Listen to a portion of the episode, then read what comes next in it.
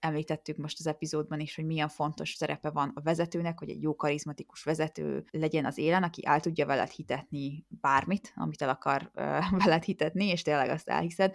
Meg ezeknek a, a, a szektáknak van egy, mint tudod, egy jövőképet, tehát kínálnak mm. valamiféle jövőképet, és ezáltal így megerősítik a csoport hoztartozásodat, meg a csoport felsőbb rendűségét, így a kinti világhoz képest.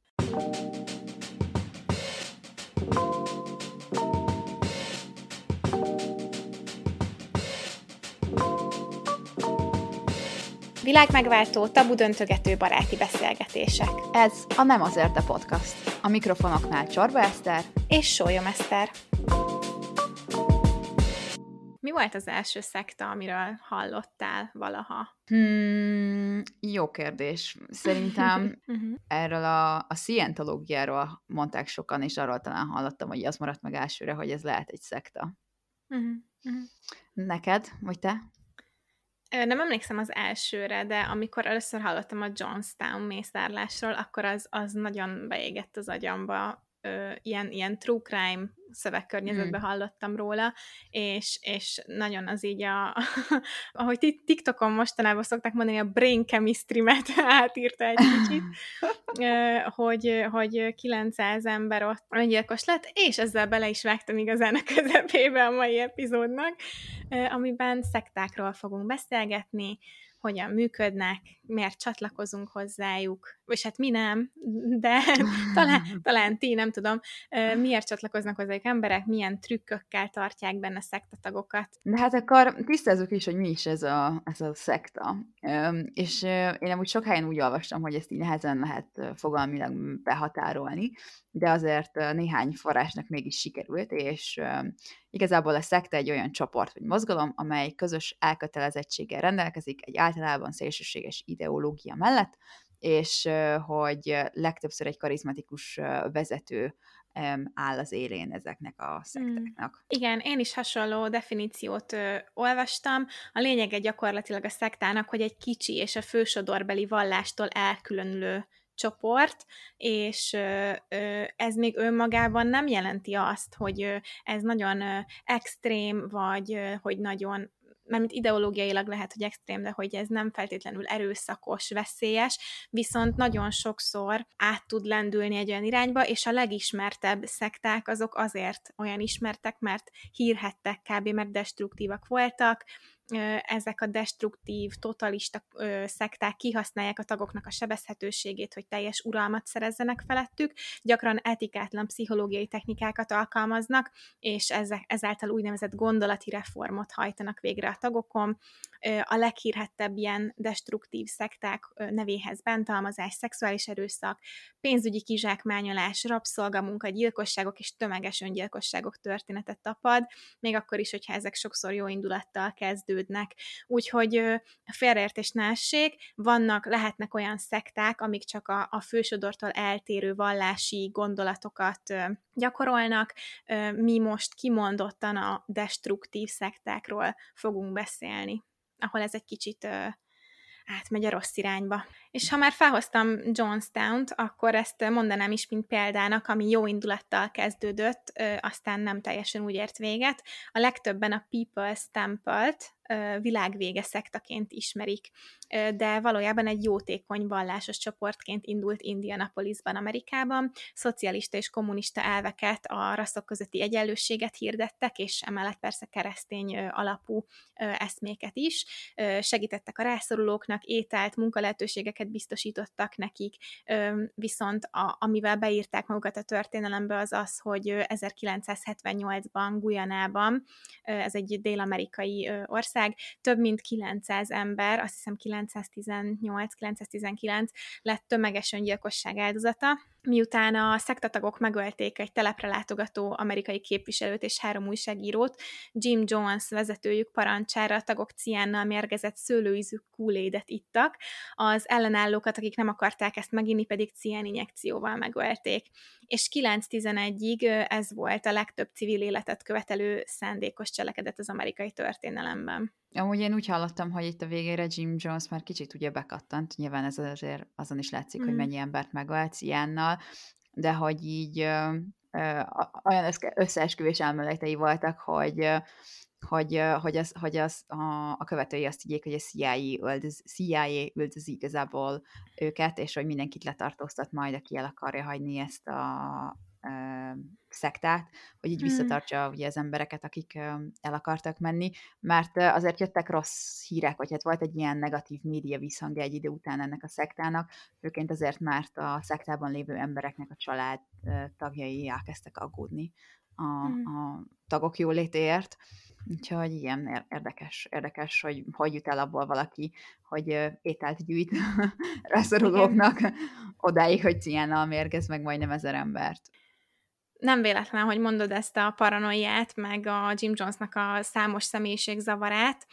Általában ezek a karizmatikus vezetők azok, ahol félresiklik egy jónak induló vallásos csoportosulás, hiszen ezeknek a tekintélyelvű vezetőknek általában tájhatalma van egy szektán belül, abszolút hatalmuk van, és és ez a hatalom persze meg tudja rontani az embert, egy tajhatalmú vezetőnek a megborulása pedig aztán ahhoz vezet, hogy az alárendeltjeit kizsákmányolja, bántalmazza, stb. Mm, van olyan, hogy egy ilyen nagyon karizmatikus vezető a fősodorbeli vallásból kiszakad, és úgy kezd saját követőket keresni, mint például Jim Jones is egy keresztény, egy egyházi vezető volt, mielőtt a saját maga köré kezdte volna gyűjteni az embereket. Erre több példa is van, viszont olyan is van, hogy néha valaki nem, nem vallásos alapon, hanem egyszerűen csak ö, ö, nagyon tehetséges mások manipulálásában, és úgy kezd el követőket gyűjteni, és erre például, ö, erre, erre jó példa Charles Manson, aki szintén a legismertebb ilyen szektavezérek között van, ő nem volt egy ilyen nagyon jó indulatú egyházi személy, vagy vallásos személy, hanem egy megrögzött erőszakos bűnöző volt, aki kibejárt a börtönbe. Aztán 1967-ben ö, valamilyen hippi társaságba került, és úgy elkezdtek követők gyűlni köré. Ö, nyilván jól tudta manipulálni az embereket, meg olyan karizmája volt, hogy meghallgatták, és főleg problémás, a világból kiábrándult fiatal lányok kezdték el körbevenni, akik Charlie-t a gurujuknak tartottak, és Manson ugye folyamatosan prédikált, egy, egy kicsit, ahogy olvastam összeszedve az ő gondolatait, kicsit ilyen, ilyen drogos össze-vissza gondolatmenet, de ö, nagyon lerövidítve, meg összefoglalva egy ilyen közelgő fai háborúról prédikált. Mi azt gondolta, hogy Amerikában ilyen apokaliptikus háborúhoz fog vezetni, hogy a fehérek és a feketék majd elkezdenek, ö, elkezdik egymást gyilkolászni. És az volt az ő nagy terve, hogy a, a család, a, ahogy nevezte a köré gyűlt követőit, a Manson család majd átvészeli ezt a, ezt ezt a fai háborút a sivatagban, és az apokalipszis, kvázi apokalipszis után majd ők fogják uralni a világot. Ezt az elméletet Helter-Skelterként is emlegetik, amit lett rosszul mondok ki. Mm. Ezt a fai háborút szerette volna minél előbb kirobbantani Manson, amikor elkövették a talán legismertebb szektákhoz kapcsolódó gyilkosságot, két nap alatt hét embert lőttek és szúrtak le, és köztük volt a, az akkor már terhes Sharon Tate színésznő is, és az az érdekesség, hát természetesen bejárta a világot a hír, és, és a mai napig az egyik legismertebb, és az benne az kvázi érdekesség, hogy Manson a saját kezével egy embert sem ölt meg, viszont olyan abszolút hatalma volt a családtagjai felett, hogy mindent megtettek a parancsára, és így is őt elsőfokú gyilkossággal elítéltek, és börtönbe zárták a többi tényleges gyilkossal együtt. Nyilván idézőjeleket képzeljetek a levegőbe, hiszen ő, ő is tényleges gyilkos volt, felbújtó. Hm, érdekes, kicsit olyan, mint uh, Hitler. Egyébként nagyon jó a, az asszociációd, van is a homlok, vagy volt is a homlokára tetoválva Mansonnak egy gyönyörű mm. horogkereszt, mm. ami miatt, amikor ki akartam posztolni az Instagramra a fotóját, azon nyomban le is tiltott az Instagram, hogy gyűlöletkeltő szimbólumok és egyebek, úgyhogy uh, Hát kicenzúrázta magát ezzel az Instagram, vagy a internetről. Mm, így járt, így járt. Szerencsére nem is baja, nem látják. Hát. A Heaven's Gate-ről esetleg hallottál? Az volt a másik, amit így a, a, a kutatásom során újra meg újra felmerült a, a cikkekben, és fú, hát az is nagyon durva sztori. Meséld, hadd halljuk. Jó, így belendültem. A Heaven's Gate nevű szektának így a valóságtól egészen elrugaszkodott ideológia volt, ami, amivenek a megszállottjai lettek a tagjai. A Heaven's Gate az 1970-es években alapult Marshall Applewhite és Bonnie Nettles vezetésével, és ez a két vezető az új testamentum tanításait keverte miszticizmussal, asztrológiával, tudományos fantasztikus elméletekkel, reinkarnációval, szóval nagyon jól összemixeltek mindenféle gondolatot, és ebből egy nagyon furcsa UFO vallást hoztak létre. Azt hirdették a követőiknek, hogy ők a tanítók, akik felkészítik őket az evolúciónak a következő szintjére, és majd az ő vezetésükkel az ember feletti szintre tudnak fel, felemelkedni. A tagokat arra kényszerítették, vagy hát az volt az ő, a, ennek a szektának a szokása, hogy mindenki ugyanazt a ruhát és ugyanolyan frizurát visel.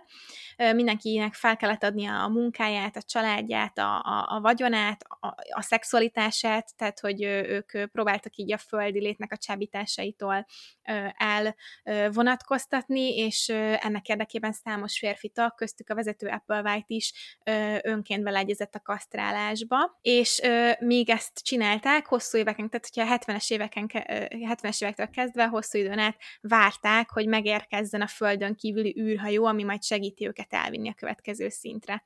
Ekközben egyébként Nettles rákban el is huny, de Applewhite tovább folytatta a szekta vezetői feladatait, amíg a Heaven's Gate-nek a története véget nem ért a 90-es években. 1995-ben a tudósok felfedezték a Hale-Bopp üstököst, amire Applewhite azt mondta, hogy ez egy jel, végre jönnek az űrlények, és idejük, ideje van csatlakoznunk hozzájuk, és ehhez el kellett hagyniuk a, a tagoknak a földi konténereiket, e, ezért 1997-ben a csoport kibérelt egy villát San Diego közelében, 39 szektatag egyforma fekete felsőbe, melegítő nadrágba és vadi új fekete-fehér Nike cipőkbe öltöztek, a, a karjukon egy Heaven's Gate Away Team feliratú karszalagot raktak, és almaszózba kevert fenobarbitált ettek, amit vodkával követtek, és a biztonság kedvéért még nylon zacskót is húztak a fejükre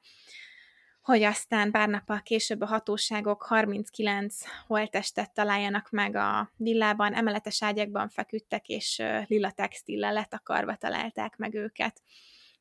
Ezt az eredeti 39-et még három további tagnak az öngyilkossága követte a következő pár napban, és ami az igazán morbid ebben az egész tragikus történetben, az az, hogy a Heaven's Gate-nek a weboldala a mai napig elérhető. Nyilván azóta nem frissítette senki, hanem az akkori formájában ott vannak az ő írásaik, az elméleteik, a könyveiknek a részletei, és még a, az eltávozásuknak a, a híréről szóló sajtóközlemény is olvasható, a Heaven's Gate Away Team visszatér az ember feletti szintre a távoli űrben címmel.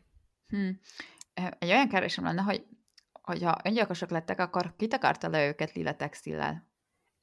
A fenobarbitál, amit mondtam, hogy bevettek, uh-huh. az egy altató, úgyhogy szerintem nem azonnal történt a dolog, hanem ja, értem, szerintem értem. betakaróztak. Aha, aha, aha, aha, és akkor így, ugye, aha. És a, ja. de a vezetőjük is velük halt? Igen. Jó, hát legalább, na. Mert ez úgy, úgy mérges lettem, vagy hát így is mérges vagyok, csak hogy úgy ez így érdekesebb lett volna a sztori, hogyha tudod, ez a sok tag meghal, és akkor a vezetői körbe megy és akarja őket, és ő meg közben elmenekül, és mondta, hogy bye. De ha már erről van szó, akkor nekem teljesen Szóval nagyon érdekelne a pszichológiája ennek az egésznek, hogy hogyan hisz valaki annyira valamiben, hogy, hogy képes megölni magát, hogy de akkor most megyünk a következő szintre, de jó. Szóval, hogy a valóságérzékelése ezeknek az embereknek teljesen fel van borulva, nem? Szerintem már azért jó pár epizódban említettünk az MLMS-ben biztos, meg talán, nem is tudom, talán sátánistásban is említettük egyszer. Na mindegy, szóval azért ezt, ezt már túltárgyaltuk pár epizódban, hogy nyilván a, az emberek igénye arra, hogy csoporthoz tartozzanak, ami ugye egy kultusz alapját képezi, meg hogy nyilván nagy szerepet játszik az, hogy valamilyen bizonytalanság van a saját életedben, uh-huh. és hogyha egy kulthoz vagy egy szektához csatlakozol, akkor ez a bizonytalanság azért megszűnik. Említettük most az epizódban is, hogy milyen fontos szerepe van a vezetőnek, hogy egy jó karizmatikus vezető legyen az élen, aki el tudja veled hitetni bármit, amit el akar veled hitetni, és tényleg azt elhiszed. Meg ezeknek a, a, a szektáknak van egy, tudod, egy jövőképe, tehát kínálnak mm. Valamiféle jövőképet, és ezáltal így megerősítik a csoport hoztartozásodat, meg a csoport felsőbb rendűségét, így a kinti világhoz képest. Eltérőek lehetnek ezek így szektánként, de hogy így ezek az alap, a, a, ezek az alap pszichológiai módszerek, amivel valakit így be tudsz vonzani. Nyilván az, hogyha mondjuk hátrányos helyzetből jössz, akkor az azért nagyon sokat tud dobni azon, hogy akkor te milyen gyorsan csatlakozod egy szektához. Mint igazán fontosságú dolog, amit amúgy sokszor is olvastam, a, például a kognitív diszonancia, ami ugye, ezt is kéne merchre rakni, ezt már amúgy tök régen mondtuk ezt el. Szerintem azért... ki szeretne kognitív diszonancia pólót? Én. Ebben az évben azt szerintem nem is mondtuk még, hogy az előzőben hogy kognitív Na, diszonancia. akkor most mondd el jó sokszor. Oké. Okay ami azt sugalja, hogy az emberek olyan tényekkel szembesülnek, amelyek ellentmondanak a hitüknek, értékeiknek, elképzelésüknek, és akkor egy ilyen pszichológiai kényelmetlenséget fognak érezni, és e, e, ezt nyilván valamilyen ennek az ellentmondásnak a ellentmondást fel akarják oldani. Egy szekta környezetben a kognitív diszonancia sokszor tart csapdában, hiszen mondjuk, hogyha ki akarsz jönni belőle, mert mondjuk nem tudom, rájöttél, hogy valami azért mégsem oké ebben a környezetben, ahol éppen vagy, de akkor be kéne ismerned magadnak, hogy uh-huh, engem itt átbasztak. és Igen. azért ezt nagyon-nagyon sokan nem szeretik, és így ezért nagyon nehéz is kijönni ebből a Igen, szektából. emögött van egyébként egy olyan egy pszichológiai effektus is, amit úgy hívnak, hogy elsüllyedt költségek tévedése, vagyis uh-huh. sunk cost fallacy. Ez az, amikor azért ragaszkodunk valamihez, mert már annyi időt és energiát beleöltünk, hogy nem akarjuk azt, amit már elhasználtunk, azt elveszíteni. Igen, igen. Például, amikor megcsinálsz egy alapdiplomát, és szenvedsz vele x évig, de már nem akarsz váltani, már mindjárt végzel, pedig amúgy utálod. Fontos az is, hogy valaki mondjuk mennyire engedelmes is így a, így a alapjáraton, mert például lehetsz te tök okos, de hogyha valaki olyan vagy, akinek egy vezetőre van általában szüksége, vagy e, tudod, te nem vagy ez a team leader típus, inkább visszahúzódó vagy. Nem tudom, az így... milyen lehet. Tényleg? Nem tudod ezt? Nem tűnt fel. Én még a szekta vezető Leszter. Igen, kis kognitív diszonanciával azért küzdök el néha. Csak már annyi időt rád átasztam, hogy... Jaj, de jó. Csak viccelek, viccelek. Mindjárt elkezdem sorolni a pszichológiai technikákat, amivel át lehet mosni valakinek az agyát, majd tippel, vagy számolhatod hányat ismersz fel. Hogyha benned van ez, hogy neked egy vezető kell, akkor sokkal könnyebben fogsz így rá kalibrálódni ezeknek a karizmatikus embereknek így a hullámhosszára, és sokkal könnyebben elhiszed, hogy amit mondanak, legyen az bármi, és nyilván, hogyha engedelmesebb vagy, mint szektetag, hát akkor ez jobb a vezetőnek is, hiszen valószínűleg nem fogsz fellázadni, vagy közbeszólni, vagy ellentmondani. Mm. És uh, igazából, hogy általában az engedelmesebb engerek, emberek, uh, van egy olyan tanulmány, ami azt mondja, hogy könnyebben adják fel a saját identitásukat is, és könnyebben azonosulnak, uh, érted, mások identitásával, vagy mm. más elveivel, ami szintén egy nagyon fontos alapja lehet így, így a szektáknak, ugye ezáltal feladod a szabad uh, gondolkodásodat, kvázi a szólásszabadságodat nyilván azért sok helyen így meg van tiltva, hogy akarta a külvilággal beszélj, vagy hát az ilyen extrémes, extrémebb uh, esetekben narcisztikus szektavezető, engedelmes uh, emberek, és akkor tessék, meg is Igen. van a baj. Így van, én is nagyon hasonlókat találtam. Én kíváncsi voltam, hogy van-e valami olyan ö, tulajdonság, ami így kimondottan ö, veszélyeztetetté tesz ö, a szektákkal szemben, és amúgy fel is soroltad nagyjából. Az egyik, amit ö, kiemelt nagyon a, a, az a forrás, amit találtam, az a stressz. Tehát kutatások szerint a szektatagoknak a nagy többsége az élete valamilyen különösen stresszes időszakában csatlakozott.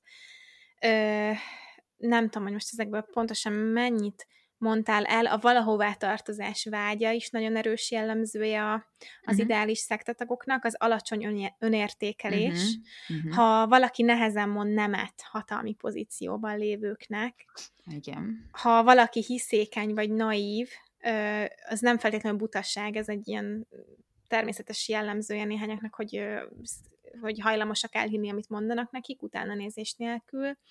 Illetve az is, hogyha valaki kiábrándult a status quo-ból, a társadalmi rendből, és marginalizálva érzi magát, hiszen nagyon sok szekta rájátszik az ilyen mi, mi vs ők, uh-huh. a mi kis csoportunk, és a, a, aki kint van, az a gonosz ellenség erre az érzésre, és hogyha valaki alapból dühös a világra, és ki van belőle ábrándulva, akkor annak nagyon bejön ez a másokat hibáztatós uh-huh. narratíva.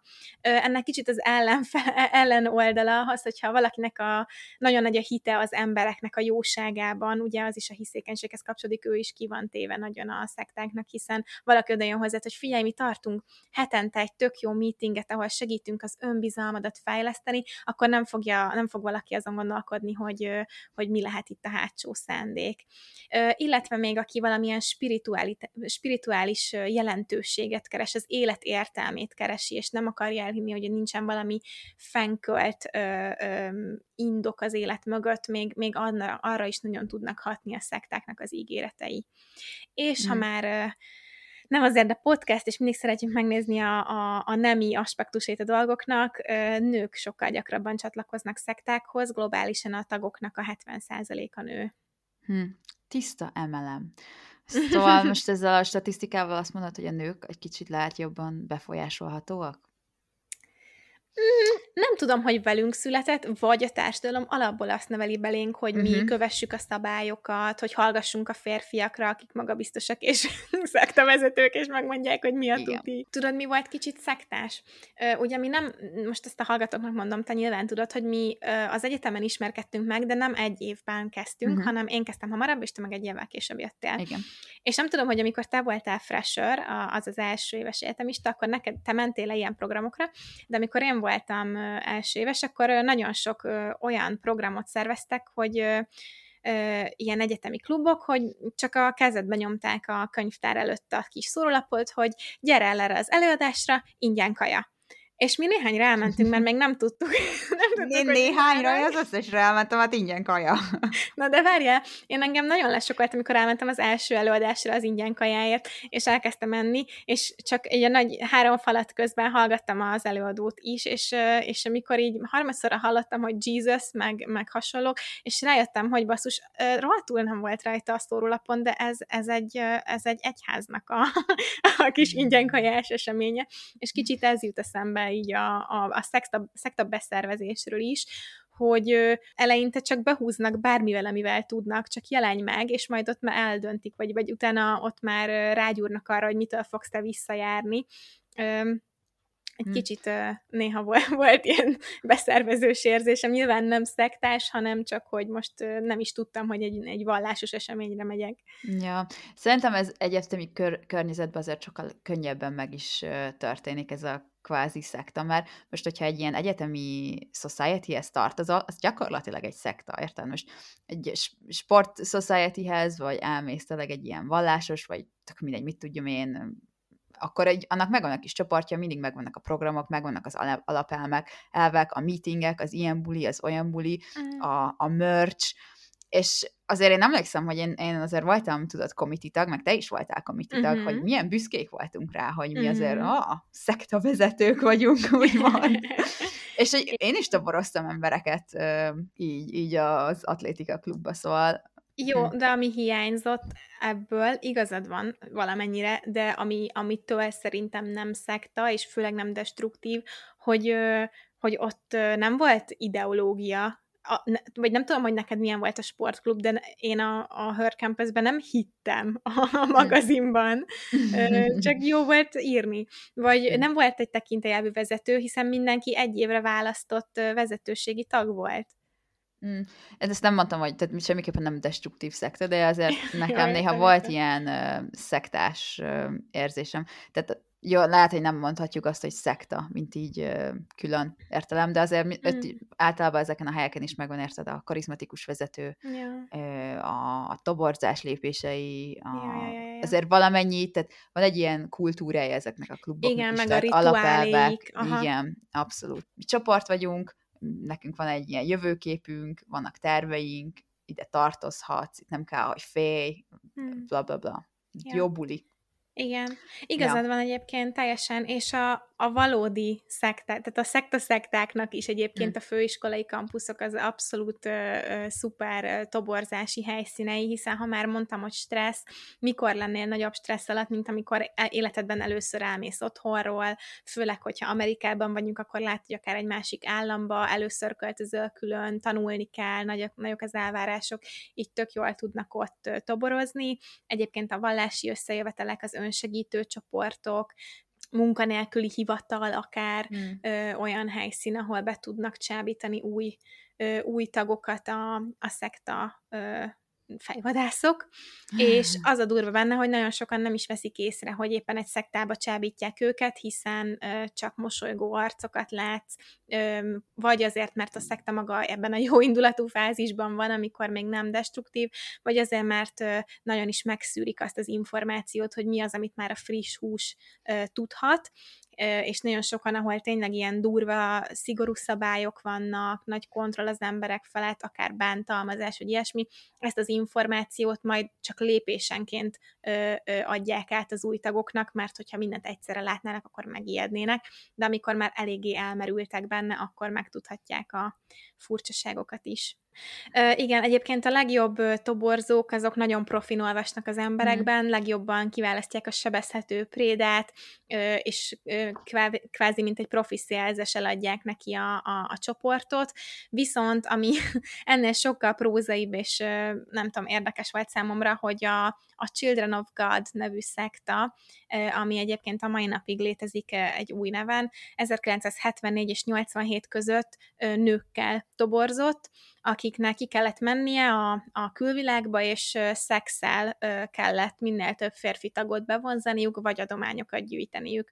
És ezt a kvázi vallási prostitúciót nevezte a szekta flirty fishingnek, ilyen flörtölős halászatnak, Jézusom. aminek aztán aminek aztán az vetett véget, hogy rengeteg STD-t kaptak el, és továbbítottak a szektán belülre is a, a tagok, illetve ekkoriban terjedt a, a, az éc is, de valami olyan számok vannak, hogy azt lehet becsülni, hogy 200 ezer férfit használtak így ki, vagy adományokra, vagy toborzásra, és valami tízezer gyerek született a, a szektába ennek eredményeképpen. Jézusom, hát ez mm-hmm. borzasztó. Ez Igen. nagyon...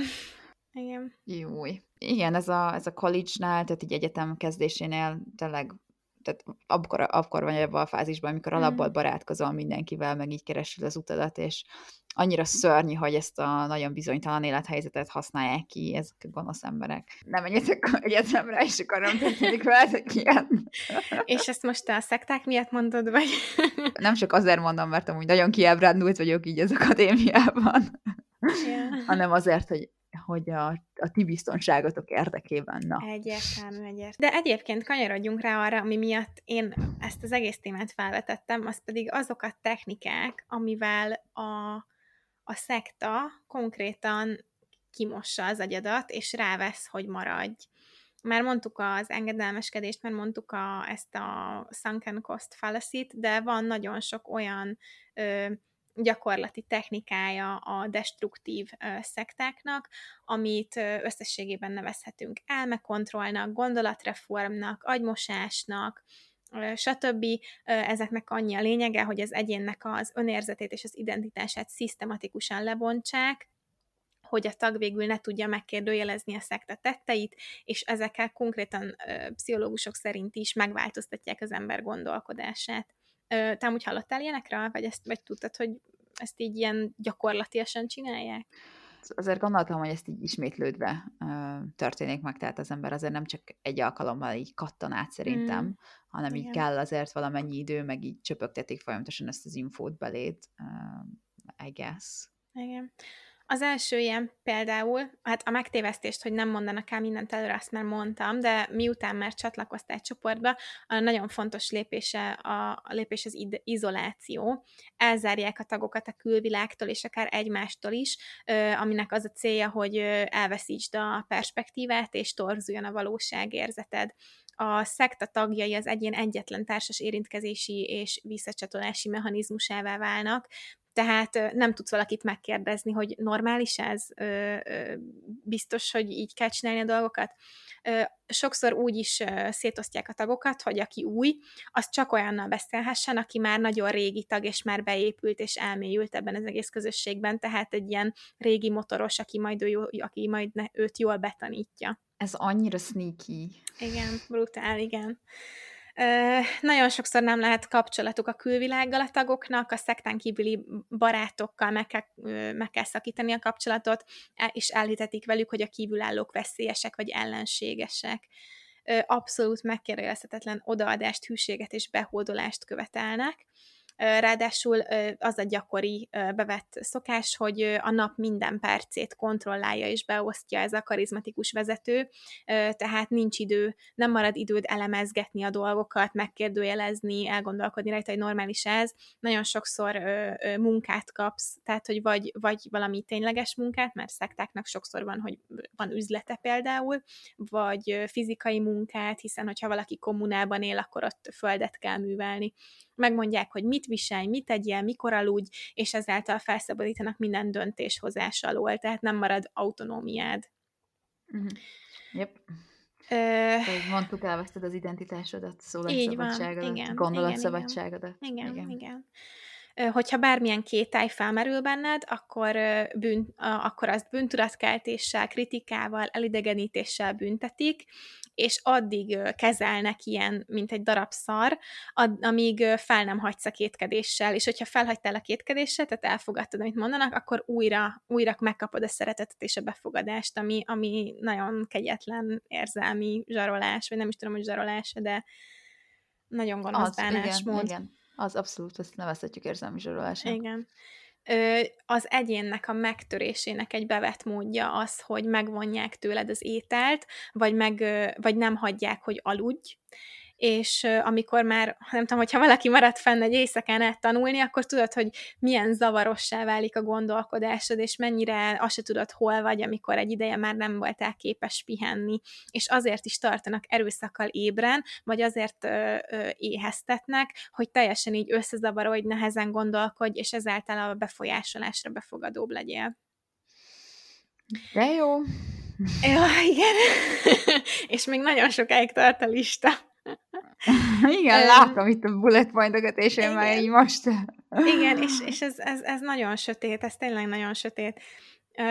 Sokszor van olyan, hogy elvárja egy vezető, hogy bevald a bűneidet, vagy leírd, vagy elmond neki a legnagyobb titkaidat, és ezzel kb. ilyen, kon- ilyen kollateralt kap, tehát tud rólad valamit, amivel tud téged akár szó szerint megzsarolni, vagy csak érzelmileg, és, és mondjuk ezt a nagy titkodat, ezt, ezt nyilvánosan kigúnyolják, és úgy csinálnak, hogy csak a, mintha csak a csoport iránti odaadással tudsz, tudnál megbocsátást nyerni.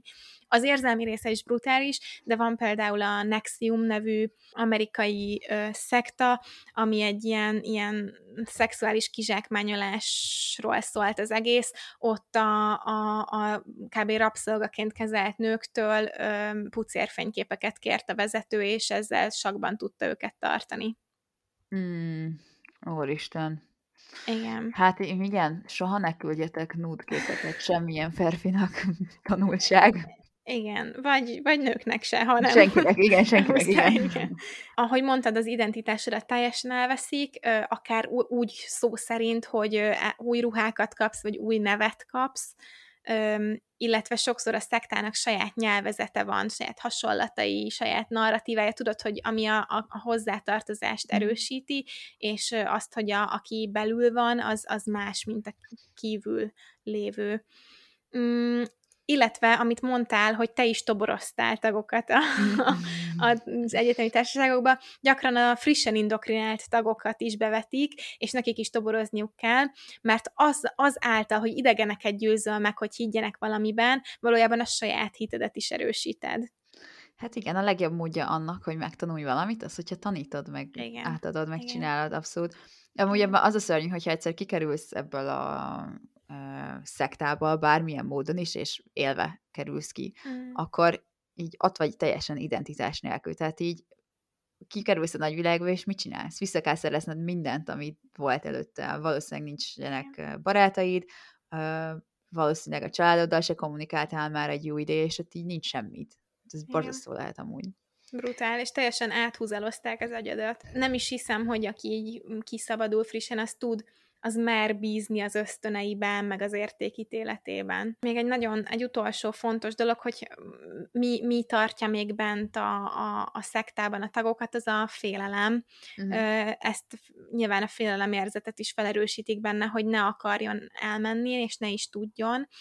Például a, a vezetőnek, a vezető bármilyen kétséget büntethet fizikai vagy lelki bántalmazással. Nagyon gyakori ezekben a szektákban a szexuális erőszak. Az, hogy elvágják a külvilágtól, az ahhoz vezet, hogy úgy érzi a szektatak, hogy nincsen hová mennie, és ez a csoport a családja, és ez is bent tartja, ez a bizonytalanság. Illetve sokszor a jó viselkedéshez kötik az alapszükségleteknek a kielégítését, tehát ha te kétségeid vannak, vagy el akarsz menni, akkor lehet, hogy nem fogsz hozzáférni ételhez, vízhez, menedékhez. Mm. Ö, illetve ma, van egy ilyen spirituális félelem is ebben az egészben, hogyha olyan a vallási, vagy olyan a olyan a vallási háttere a csoportnak, hogy például azt gondolják, hogy csak aki a szektának a tagja, az lesz ö, kvázi megmentve, csak azt viszi el az űrhajón a, a, a következő szintre a földön kívüli, vagy akármi, és egy ilyen vallásos félelem is van, hogy ha elhagyják a csoportot, akkor elkárhozik a lelkük, hiszen ugye a, a vallásos részét se szabad elfelejtenünk ezeknek mm. a csoportoknak. Meg hát gondolom azért valamennyi jó történik a csoportokban, tehát nem csak, valószínűleg nem csak szenvedés ez az egész, tehát kicsit olyan, mint egy bántalmazó kapcsolat, hogy azért benne maradsz azért is, mert vannak jó emlékeid, és mindig reménykedsz abban, hogy ez, egy, hogy ez még lesz jobb, csak ez most egy rossz, nem tudom, periódus. Igen, igen, de hogy igen. majd lesz jobb megint, mert hogy már volt jó egyszer. Majd szarnyik rázott a hideg. igen, igen. Egyébként tök igazad van, hiszen hogyha valakit csak bántanának, akkor, akkor lehet, akkor nem maradna ott. De az, hogy, hogy a, a vezető az bármikor büntethet, az együtt jár azzal, hogy ő bármikor dicsérhet is téged, és, és ki vagy emelve, mint jó példa. Szóval ez egy ilyen folyamat, tényleg egy ilyen bántalmazó kapcsolathoz le, lehet a legjobban hasonlítani. És ami szerintem egy nagyon szörnyű az ilyen szektás dolgokban, hogy annyi ilyen erőszak meg bűncselekmény történik bennük, viszont jogilag nagyon-nagyon nehéz elítélni ezért Igen. egy szektavezetőt vagy egy szektát. Igen, mert általában, ö, szóval által, ezek a szektákról, amikről olvastam, azok ugye amerikai alapúak, szóval így a mhm. jogi dolgokat főként Amerika alapon néztem meg, vagy hát ott van sokkal több forrás. Igazából én nem is nagyon találtam így Európa szerte ismert, vagy hát európai, vagy akár magyar szektát. Nem Én tudom, hogy... pedig próbáltam. Uh-huh. A, amit olvastam egy ilyen ö, jogi tanácsadásra és ügyvidek megtalálására szolgáló amerikai alapú uh, webhelyen, ö, így a szekták uh, illegális uh, tevékenységét uh, ről beszélt, és hogy azt mondják, hogy igazából ez egy nagyon sok, nagyon trükkös dolog, mert sok ilyen szekta valósz, val, ilyen vallási csoport ö, leple alatt működik. Szóval úgy vannak bejegyezve, mint ö, egy csoport, ami vallást gyakorol. Egy tehát vallásszabadság védi őket, ugye. És ö, van egy ilyen első kiegészítés, first Amendments nevű valami ott, uh-huh. ott Amerikában, ami amúgy védi ezeket a vallásszabadságokat, szóval hogyha csak azt mondod, hogy jaj, nem tudom, a szomszédom nagyon hangos a Jim Jones, most nem tudom, veri a, nem tudom, a három kultusz imádóját, akkor nem jelentetett fel, mert ők igazából csak egy csoport, és ez ezt, ezeket a rituáléket felfoghatják úgy, mint a vallásgyakorlás egyik eszköze. De az a vallásgyakorlásnak az eszköze, hogy te versz valakit, vagy megölsz valakit? Hát, ha ezt nem tudják bizonyítani azon kívül, hogy nem tudom, felveszik videóra, vagy valami, vagy a tagok Aha. maguk nem jelentik, akkor, akkor sajnos uh, Mhm. nem. És ugye sokszor változtatják uh, a vallásgyakorlás eszközeit, tehát nagyon, tehát minél többet változtatod, annál kev- kevésbé tudod lekövetni, hogy amúgy val- mi is történik. Meg nyilván minél kevesebbet dokumentálod, annál nehezebb követni, hogy akkor mi is történik.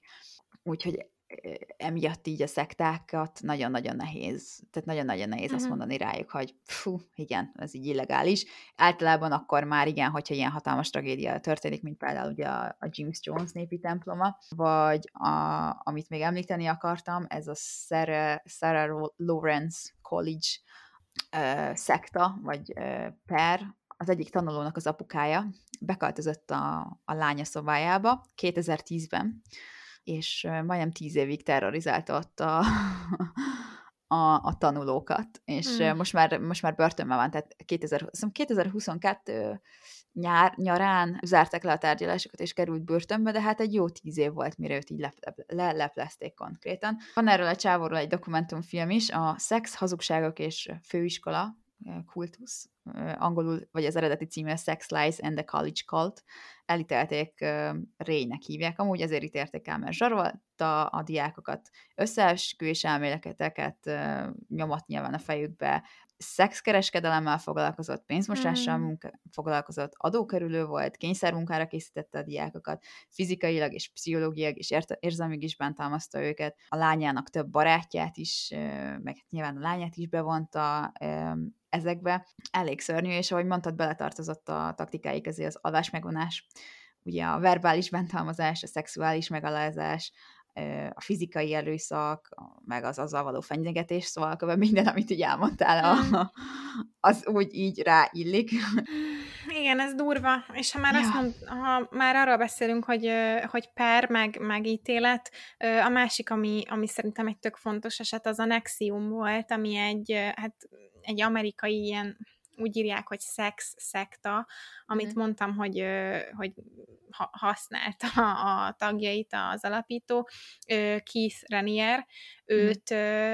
120 év börtönre ítélték 2020-ban, Jézusom. és igen, ahogy mondtam az epizód elején, hogy ezek vagy jó szándékkal indulnak, vagy annak tűnnek kívülről eleinte. A Nexium is uh, nyilván nem úgy reklámozta magát, mint hogy szexrabszolgát csinálnak belőled, hanem önsegítő, önsegítő workshopokat tartottak, meg életmód tanácsokat adtak. Mm. Um, ami annyira visszás, és annyira gonosz, hogy pont az megy oda, aki, aki, aki kihasználható. A legjobb a legjobb mm-hmm. bait.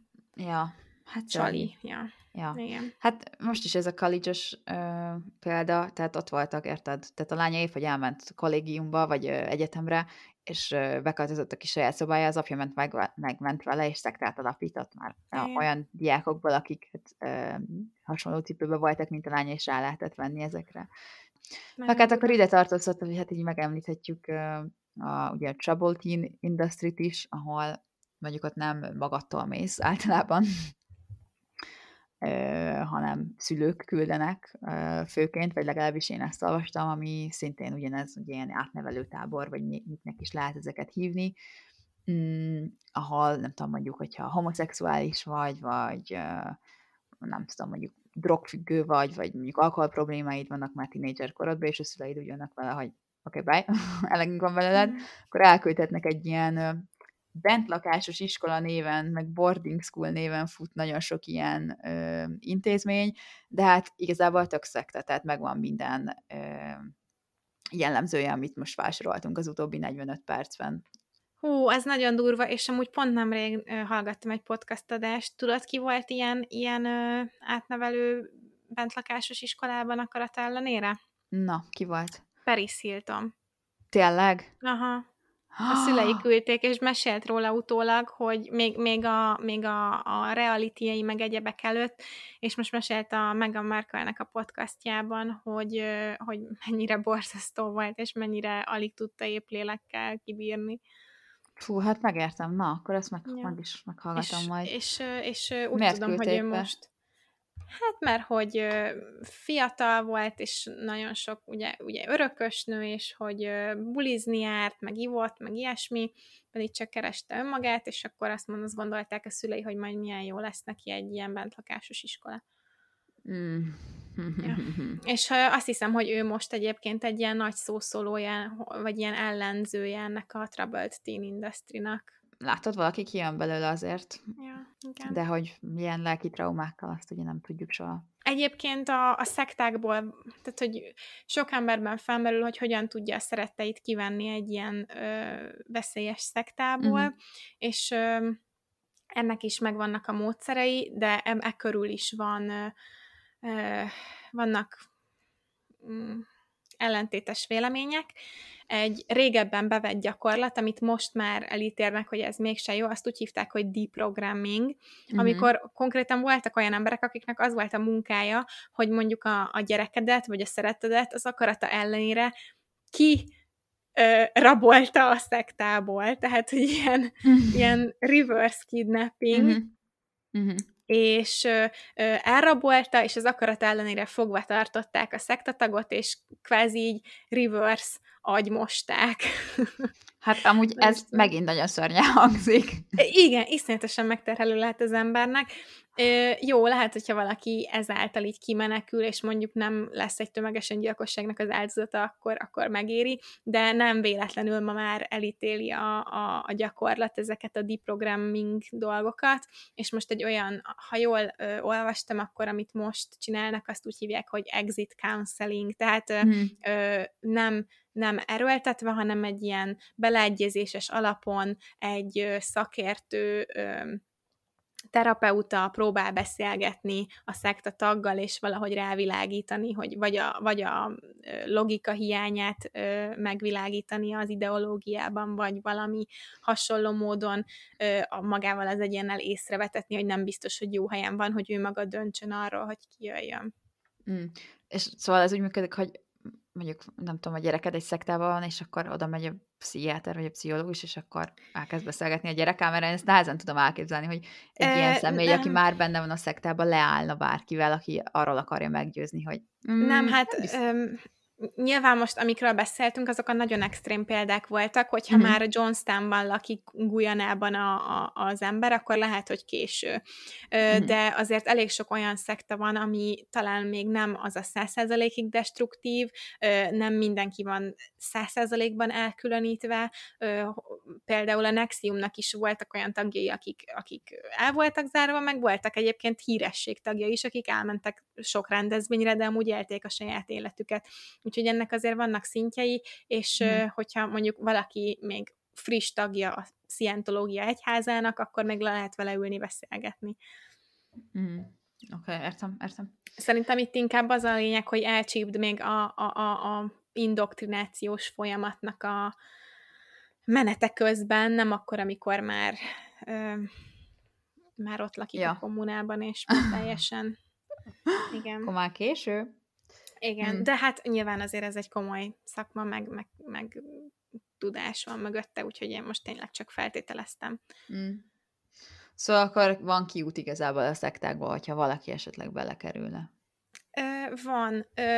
Ezekben a nagyon durva esetekben azért inkább tragédiával végződnek azok a, hmm. nem véletlenül ezek a híres példák. Viszont akik kikerülnek, azok elég sokszor dolgoznak azon, hogy mások is megismerjék, ezért sok túlélőnek lehet látni dokumentumfilmjét, könyvét, hmm. ilyesmi, úgyhogy ezek tök érdekesek, és hát nyilván beszéltünk a True Crime-os epizódban is arról, hogy ilyen morbid kíváncsiság van az emberekben, arról, amiről nem tudnak, és amit nem tudnak elképzelni, ezért általában elég sikeresek is ezek a dokumentumfilmek, sorozatok, könyvek, amik feldolgozzák, majd biztosan mi is fogunk párat összegyűjteni és ajánlani Instagramon. Illetve, amit én amúgy hiányolok ebből az epizódból, az, hogy nem találtunk magyar vonatkozást, ugye európai vonatkozást, úgyhogy ha hallgat, kedves hallgatóink, ha valakinek van, akár saját élménye, vagy saját szektája, saját szektája akár, akkor légy vegyetek be már minket is. Aki, aki hatalmas szekta függő, és mindent tud már ezekről, annak lehet, hogy nem mondtunk újdonságot, de remélem, hogy azért valamennyire érdekes volt. Köszönjük, hogy ma is minket hallgattál. Ha tetszett ez az adás, értékelj minket 5 csillaggal, és ne felejts el feliratkozni Spotify-on, Apple Podcast-en, vagy ahol most hallgatsz. Kövess minket Instagramon, ahol nem azért podcast néven találsz minket, vagy tudj meg rólunk többet a nemazertpodcast.com oldalon. Két hét múlva találkozunk. Sziasztok! Sziasztok!